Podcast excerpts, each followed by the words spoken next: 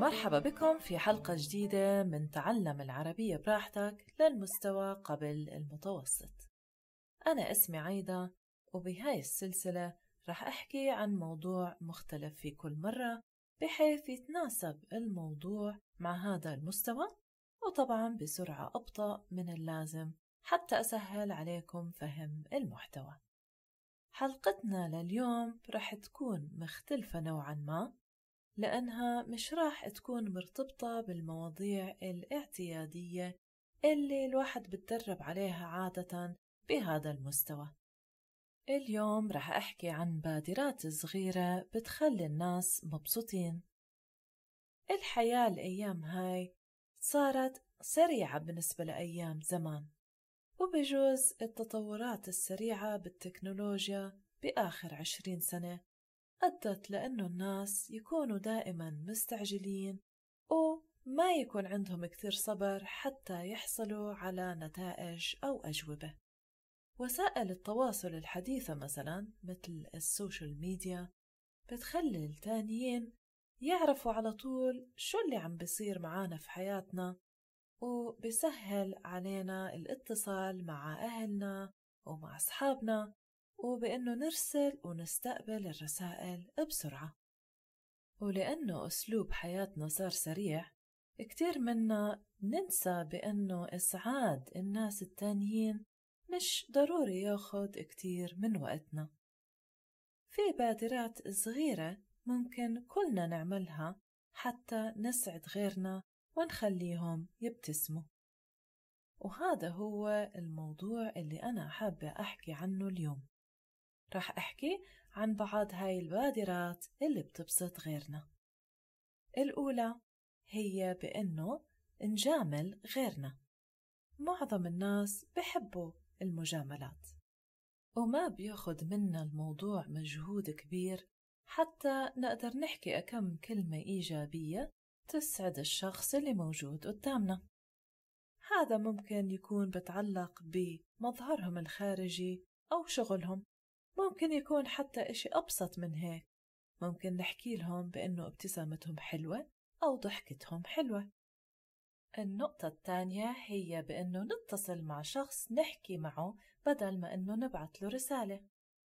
مثل ما حكيت قبل هيك الحياة الروتينية تاعتنا صارت سريعة وفيها كثير ضغوطات.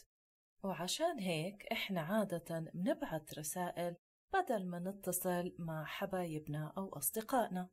وبما إنه الاتصال عادة بياخد وقت أكتر إذا اتصلنا مع فرد من أفراد العائلة أو مع صديق حتى إنه ندردش معاهم هذا راح يعطيهم إشارة بإنه إحنا نهتم إنه نسمع أصواتهم وإنه نسأل عنهم.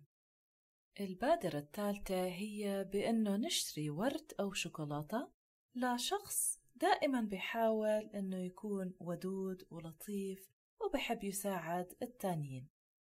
بعد هدول الناس اللي دائما بيكونوا لطيفين مع غيرهم ممكن يتم استغلالهم في بعض الأحيان. ممكن الناس التانيين يتعودوا بأنه ياخدوا مساعدة أو يتلقوا خدمات منهم. فإحنا لازم نتذكر بأنه هدول الناس اللطيفين كمان بيستحقوا إنه نقدرهم. كمان هم لازم أحيانا ياخدوا هدايا صغيرة منا حتى يعرفوا بأنهم أشخاص مميزين. البادرة الرابعة هي بأنه نقوم من محلنا ونعطي كرسينا لناس تانيين بوسائل النقل. طبعا إذا كانت صحتنا كويسة يعني إشي عادي جدا إنه إذا حدا دخل على الباص شكله تعبان أو حامل معه أغراض إنه مفروض نعطيهم الكرسي تبعنا. بعد هدول الناس اللي شكلهم تعبانين ممكن كمان يكونوا مريضين. وطبعا الكبار بالعمر دائما لازم يكون إلهم الأولوية. البادرة الخامسة. نحكي لشخص بأنه إحنا فخورين فيهم. العبارات الصغيرة مثل أبدعت أو أنا فخورة بالإشي اللي أنجزته أو أنت قطعتي مشوار طويل. أو أنا فخورة بشخصك. كل هاي العبارات ممكن تزيد ثقة الإنسان بنفسه وهذا إشي ما بياخد منا لا مجهود ولا وقت بس ممكن يكون له تأثير كبير على حياة الشخص التاني البادرة السادسة إنه نستمع للناس اللي حوالينا ونكون متواجدين لما يحتاجونا. الاستماع بشكل جيد للناس التانيين وهم عم بيحكوا وخاصة إذا كان عندهم مشكلة بساعدهم بإنهم ما يحسوا حالهم وحيدين وبأنه يعرفوا إنه في ناس حواليهم مهتمين فيهم ومستعدين يساعدوهم. طبعا وجودنا بحياة الناس اللي بيحتاجونا هي إشارة واضحة بإنه إحنا بنهتم فيهم وإحنا موجودين حتى ندعمهم على الأقل بشكل عاطفي لحد ما يتغلبوا على صعوباتهم. البادرة السابعة ابتسم. من أبسط الأشياء اللي ممكن تسعد غيرنا أو إنه تبهج حياتهم شوية هو إنه نبتسم.